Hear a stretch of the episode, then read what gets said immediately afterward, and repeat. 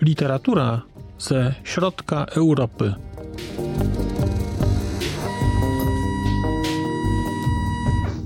Podcast około książkowy.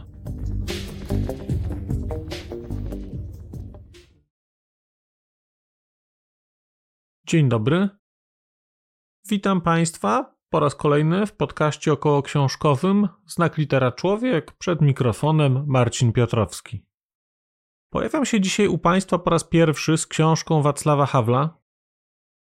No, nie jest to książka Wacława Hawla, jest to książka, która zawiera teksty, które napisał Wacław Havel. No, niemniej autorem jest Wacław Havel. Ten zbiór tekstów nosi tytuł Obywatel Kultury i został wydany w roku 2016 przez wydawnictwo Agora, a wyboru tekstów dokonał Andrzej Jagodziński. Także Andrzej Jagodziński jest tłumaczem największej części tych tekstów, ale lista osób, które tłumaczyły Wacława Hawla i których przekłady znajdziecie Państwo w tej książce, to jest lista chwały polskiej bohemistyki, bo jest tu i Zbigniew Machej, i Jan Stachowski, i Leszek Engelking. No, jest tutaj kwiat polskich tłumaczy z języka czeskiego. Książka ta składa się z sześciu części.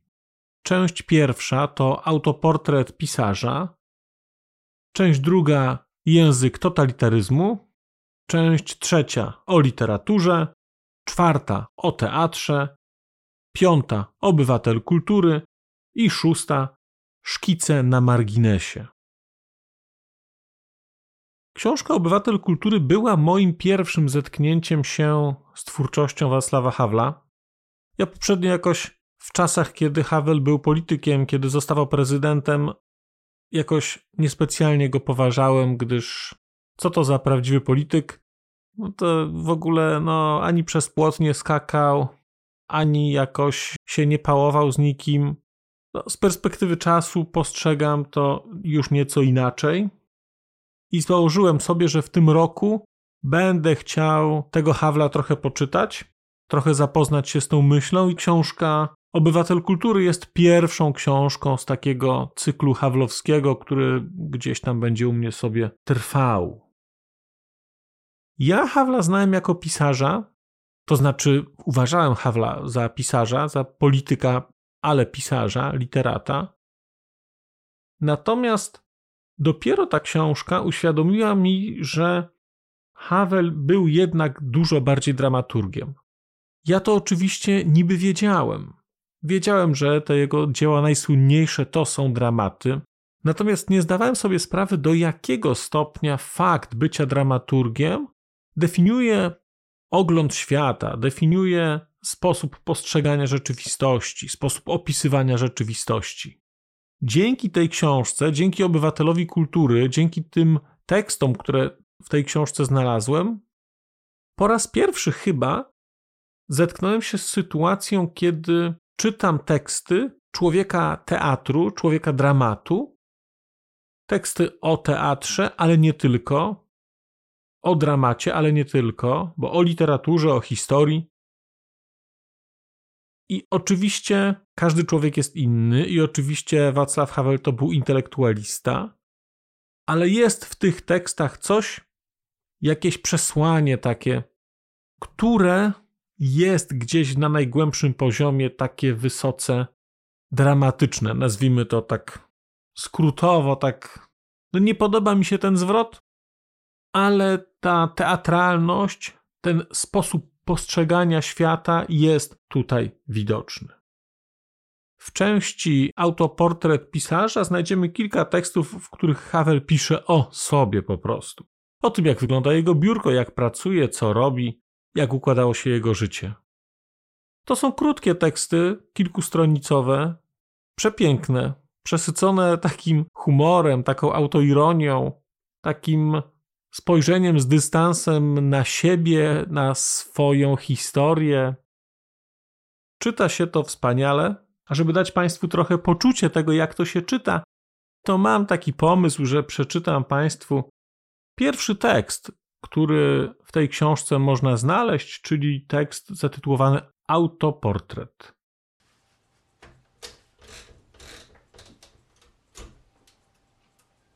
Jeśli otoczenie traktuje pisarza poważniej niż on sam siebie, jest to zdrowa sytuacja. Jeśli jednak przeciwnie, zacznie on siebie traktować bardziej serio niż czyni to otoczenie, to oznaka, że nieuchronnie zbliża się jego upadek. Dlatego zawsze przerażała mnie myśl, że któregoś dnia ktoś z poważną miną zapyta mnie na przykład, w jaki sposób pan tworzy, który pański utwór jest panu najbliższy, jaki jest pański stosunek do UNESCO i tym podobnie. A ja z powagą obszernie zacznę na te pytania odpowiadać, nie orientując się, że ze strony pytającego to tylko głupi żart. Bo kiedy pisarz utraci zdrową świadomość własnej marności i zacznie się zajmować samym sobą jako obiektem zasługującym na jakąś szczególną uwagę, przeważnie oznacza to, że przestaje widzieć we właściwych proporcjach także świat, w którym żyje. A to jest złe. Może ten wstęp wytłumaczy, że pierwszą reakcją, jaką mi przyszła do głowy, kiedy redakcja Diwadlinych Nowin poprosiła mnie, abym napisał mały autoportret, było podejrzenie, że stroją sobie ze mnie żarty. Wszcząłem w tej sprawie śledztwo. Okazało się jednak, że myślą poważnie. Dlatego zdecydowałem się na poważną odpowiedź, lecz jeśli był to jednak kawał, a ja wykazuję skłonność do traktowania siebie poważniej niż traktuje mnie otoczenie, będzie to oznaczało, że zbliża się mój upadek. Choć przyznam, że bardzo by mnie to zmartwiło, bo sądzę, że na upadek mam jeszcze czas. Urodziłem się w 1936 roku w Pradze. Skończyłem szkołę powszechną podczas wojny, a potem gimnazjum, ale w 1951 roku, kiedy chciałem kontynuować rozpoczętą ze średnim powodzeniem naukę w liceum, zostałem wysłany do szkoły zawodowej dla laborantów. W tym zawodzie pracowałem następnie przez 4 lata, ucząc się jednocześnie wzorowo w liceum. Potem zgłosiłem się na studia na chemię.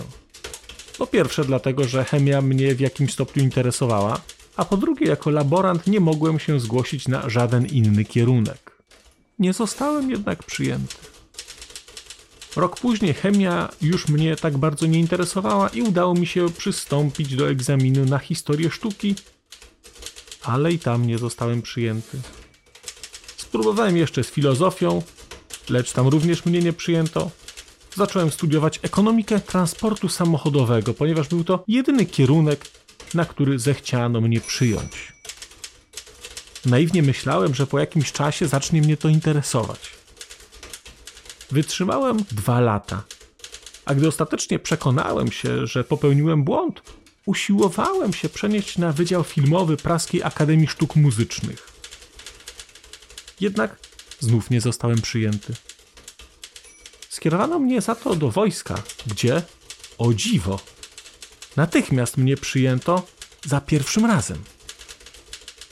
Było to w roku 1957 kiedy po dwóch latach w stopniu szeregowca mnie zdemobilizowano i zgłosiłem się na studia dramaturgiczne na Wydziale Teatralnym, ale znów nie zostałem przyjęty, rozpocząłem pracę w teatrze ABC jako montażysta sceniczny.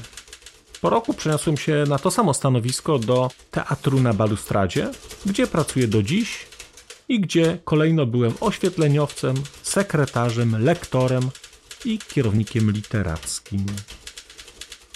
1961 roku ponownie zgłosiłem się na Wydział Dramaturgii i ponownie nie zostałem przyjęty. Przyjęto mnie tam dopiero w 1962 roku na studia zaoczne, kiedy w teatrze na balustradzie objąłem stanowisko kierownika literackiego. Jak z tego widać, dość różnorodne, choć powierzchowne wykształcenie zdobyłem głównie przygotowując się do egzaminów na różne kierunki studiów, co jest metodą, którą z pewnością mogę gorąco polecić, choć z drugiej strony istnieje niebezpieczeństwo, że czasem jednak mogą człowieka gdzieś przyjąć. Jeśli chodzi o moją twórczość, to mniej więcej od ukończenia 16 lat, prócz różnych teoretycznych dywagacji, pisałem głównie poezję, co minęło mi dopiero w wojsku. Ku memu wielkiemu szczęściu nie były to czasy tak przychylne dla debiutantów poetyckich jak dziś, więc nie muszę się wstydzić przed bywalcami antykwariatów moich ówczesnych sekretów duszy. Teatrem zacząłem się interesować y, także dopiero w wojsku, bo występy w amatorskim zespole jednostki dawały od czasu do czasu możliwość wykręcenia się od ćwiczeń. Grałem tam postać porucznika Śkrowanka z wrześniowych nocy Pawła Kochołta. I to tak przekonująco, że dowódca kompanii ukarał mnie za tę kreację w sztuce pozbawieniem stanowiska obsługującego wyrzutnię przeciwpancerną oraz funkcji przewodniczącego kompanijnej organizacji Związku Młodzieży Czechosłowackiej.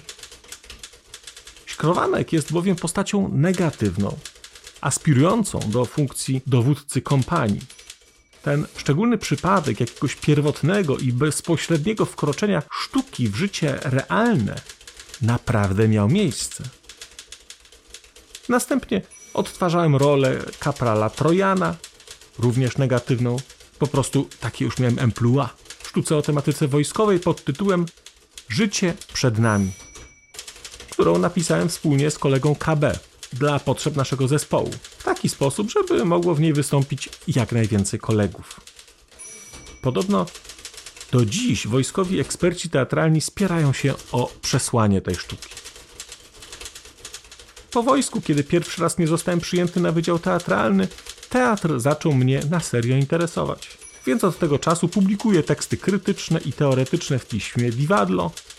Wtedy też zacząłem pisać sztuki, a Iwan Wyskocil, który coś z tego czytał, wziął mnie dzięki temu do teatru na balustradzie.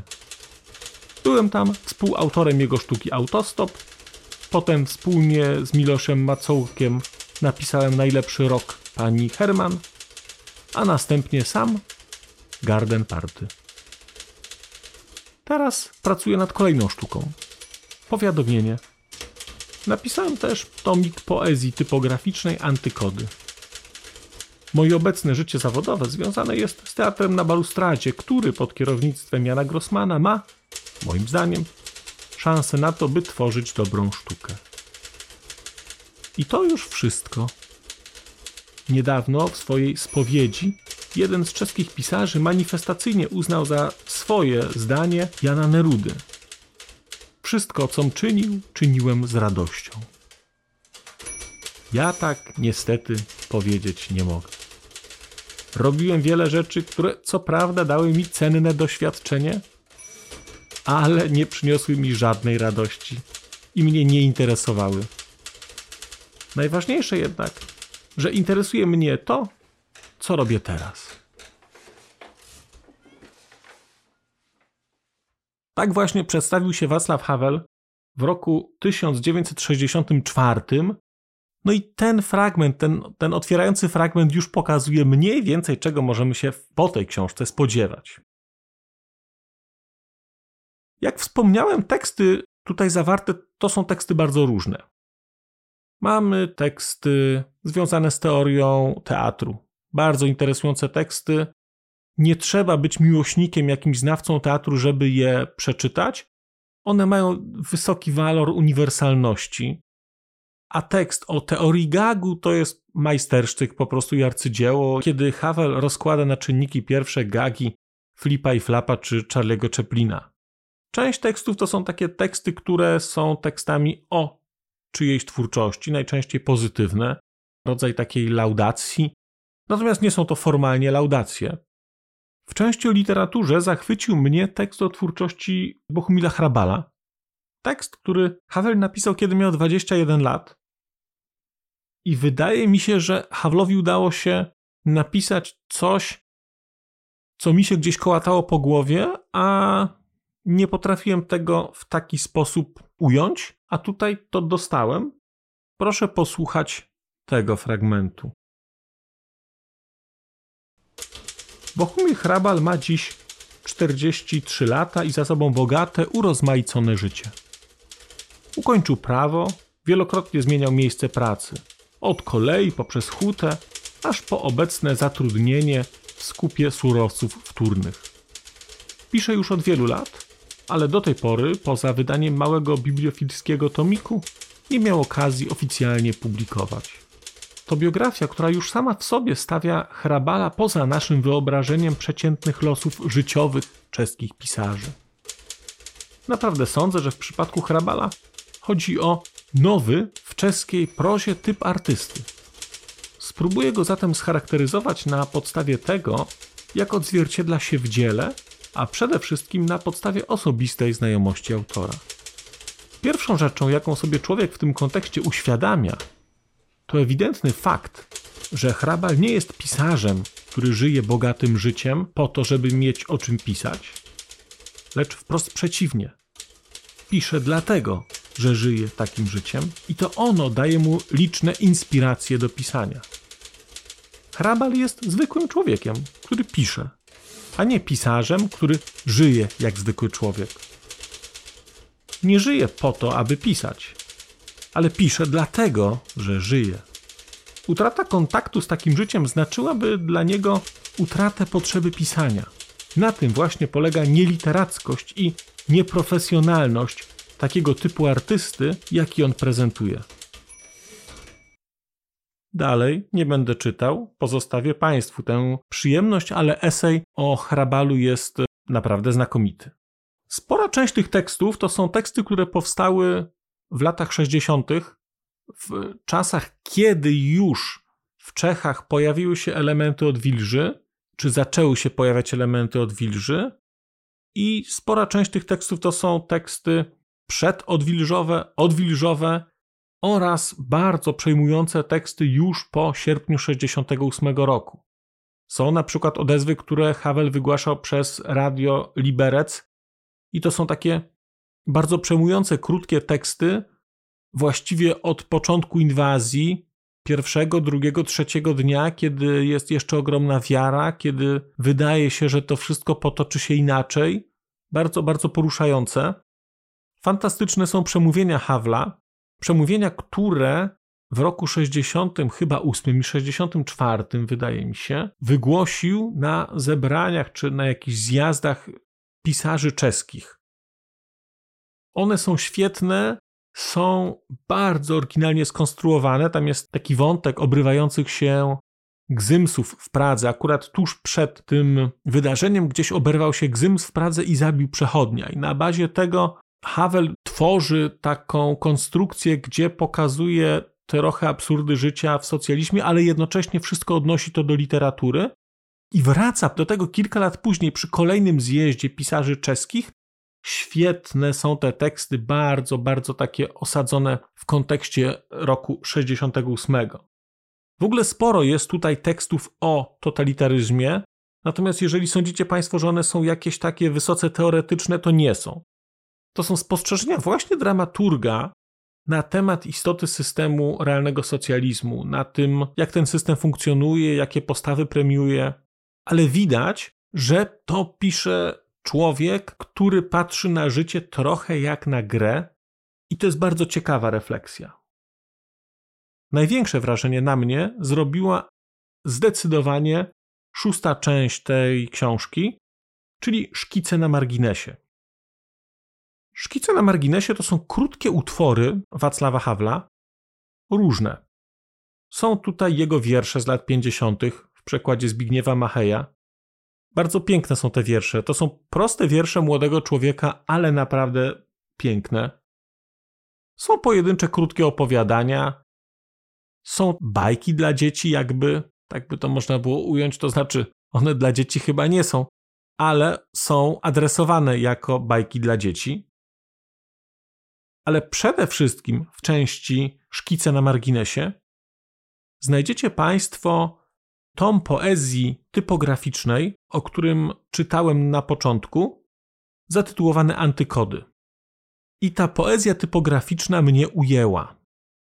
Ta część jest w sumie spora, bo, bo cała książka ma około 400 stron, a część Szkice na marginesie ma ponad 100, z czego i tak większość zdecydowaną zajmują antykody, poezja typograficzna, czyli wiersze, w których forma zapisu wpływa na to, jak my te wiersze odbieramy.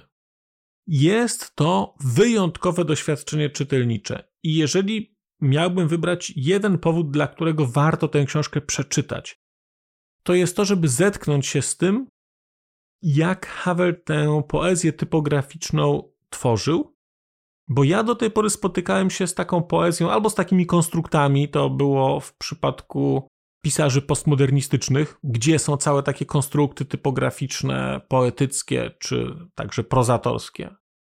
Widziałem coś takiego na takim bardzo, bardzo mocno już abstrakcyjnym poziomie w tomiku Sponat Juliana Przybosia, gdzie robił to Władysław Strzemiński i to była ciekawa historia, no bo Strzemiński poprawiał Przybosia i mówił mu, jakich słów używać, żeby coś się dobrze komponowało. Ale tamte rzeczy są, to są, to jest poezja taka, no jak znacie Państwo Juliana Przybosia, to wiecie, że to czasami nie jest łatwa poezja. Natomiast poezja Wacława Hawla w tych wierszach typograficznych to jest kwintesencja prostoty. Niektóre wiersze składają się dosłownie z jednego wyrazu, albo z gier literami i znakami interpunkcyjnymi.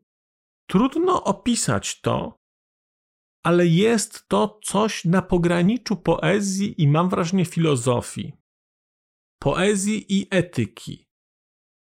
Bardzo, bardzo wyjątkowe doświadczenie. Byłem tym zachwycony, zachwycony wrażliwością, ale także zachwycony kreatywnością na takim poziomie geometrycznym, tak bym to ujął.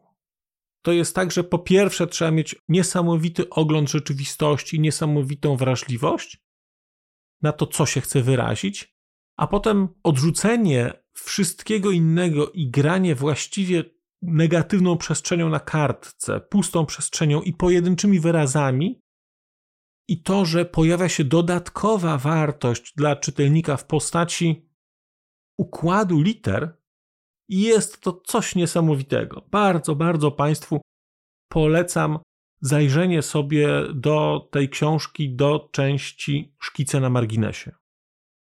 Ciekawym wątkiem, który pojawia się u Hawla, jest dosyć regularnie powracający, może nie bardzo regularnie, bo to w tej książce ten wątek pojawia się trzy razy, może cztery. To jest taki wątek. Fascynacja to jest za duże słowo, ale jakiejś formy powinowactwa, pokrewieństwa z polską kulturą, w szczególności z polską literaturą i z polską wrażliwością i historyczną, i literacką.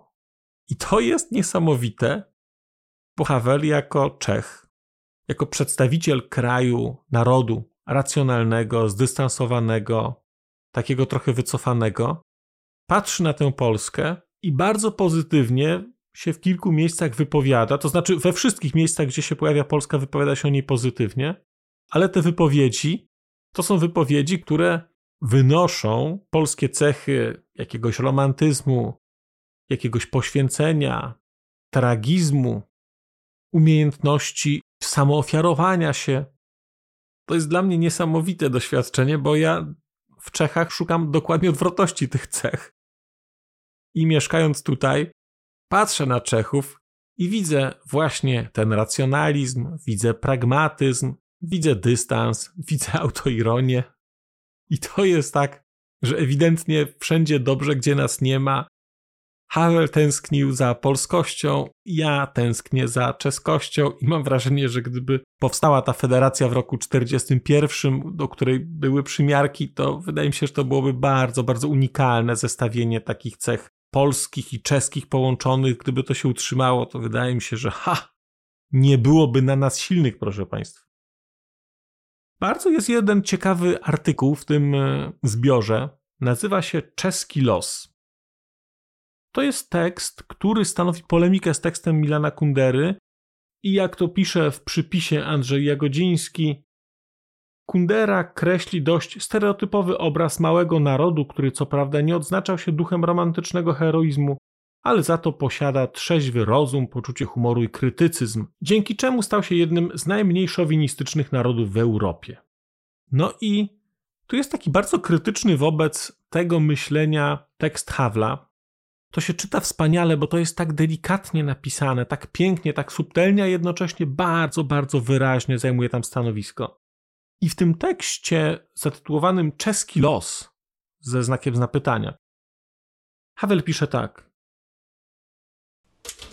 Jest to stanowisko atrakcyjne. Apeluje do naszej czeskości i, o ile nie mamy serca z kamienia, potrafi zwilżyć nasze oczy ale jednocześnie jest bardzo niebezpieczne poprzez jednostronne, powierzchowne akcentowanie lepszej przeszłości w niezauważalny sposób odwraca naszą uwagę od gorszej teraźniejszości. Niezbyt wygodny, aktywny patriotyzm otwartego działania, w sposób ryzykowny reagującego na problemy dnia dzisiejszego, zastępowany jest przez znacznie wygodniejszy, pasywny patriotyzm wspomnień, tak sobie pomyślałem, czy to jest na pewno o Czechach? Czy ten pasaż od tej niechęci do niezbyt wygodnego, aktywnego patriotyzmu dnia otwartego działania, którego nie bardzo lubimy, ale za to ponurzać się w historii i opowiadać, jak to zostaliśmy skrzywdzeni. Tu jest, to wszystko jest o Czechach. To wszystko jest o Czechach, ale mam wrażenie, że to jest też o innym kraju w Europie Środkowej.